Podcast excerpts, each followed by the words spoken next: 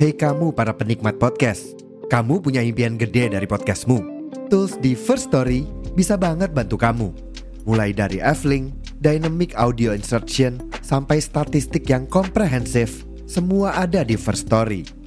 Gak ketinggalan, kamu bisa monetisasi podcastmu lewat iklan dari First Story Ads yang bisa kasih kamu penghasilan dari setiap place podcastmu.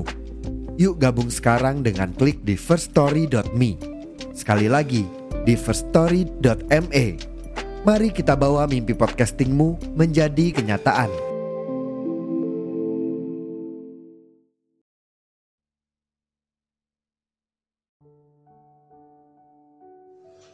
Halo teman-teman, selamat pagi, siang, sore, malam bagi kamu yang sedang mendengarkan. Cek ombak dulu yuk. How are you guys? Masih pada semangat kan di awal tahun 2024? Atau hari ini ada yang sedang merasa tidak baik-baik saja? Tarik nafas, keluarkan relax ya. Apa pun itu, let it flow guys. Be happy right now. Sabta Rasa kembali hadir untuk bertegur sapa dengan teman-teman semua. Well, malam ini ada cerita nih dari salah satu pendengar kita. Penasaran nggak? Ya, langsung aja. Let's go. Selamat mendengarkan. Dulu, gue dikonfesin sama salah satu cewek. Dia adalah orang yang nyelamatin perasaan gue setelah hancur berkeping-keping.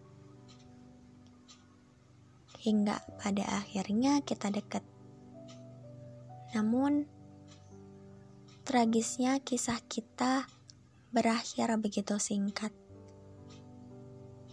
Karena gue gak tahu dia cuma penasaran confess atau gimana. Dia nggak mau ke hubungan serius. Tujuan dia confess, ya cuma biar lega. Dan akhirnya, kedua dari kita saling cuek satu sama lain. Dan begitu tragis selesai di tengah jalan. Yang harusnya bisa diobrolin, malah nggak bisa terselesaikan. Karena pada akhirnya, rasa percuma menjelaskan dari awal juga. Karena tujuan dia dari awal, ya cuma confess. Gak berharap deket sama gue.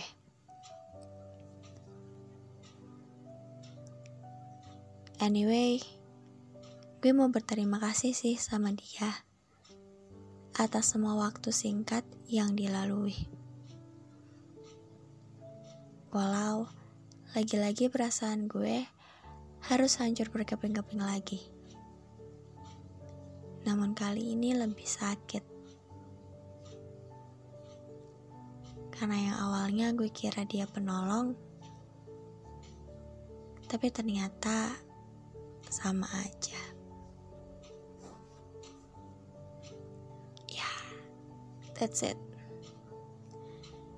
Hmm, Jujur sedih banget ya. Satu hal yang mungkin jarang orang sadarin setelah confess adalah gimana akibat dari apa yang udah diutarain. Kalau buat kita sih, mungkin fair, biar lega. Tapi biasanya nggak sedikit kan orang yang ngarep bakal diterima.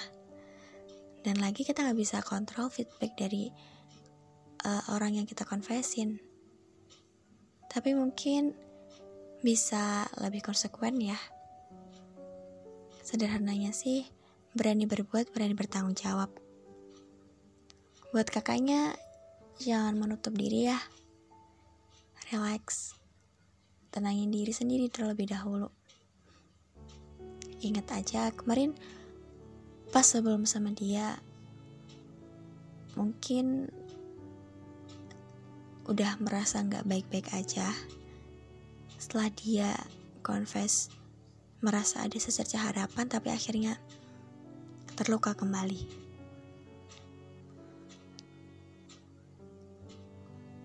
aku di sini cuma bisa nyemangatin kakaknya.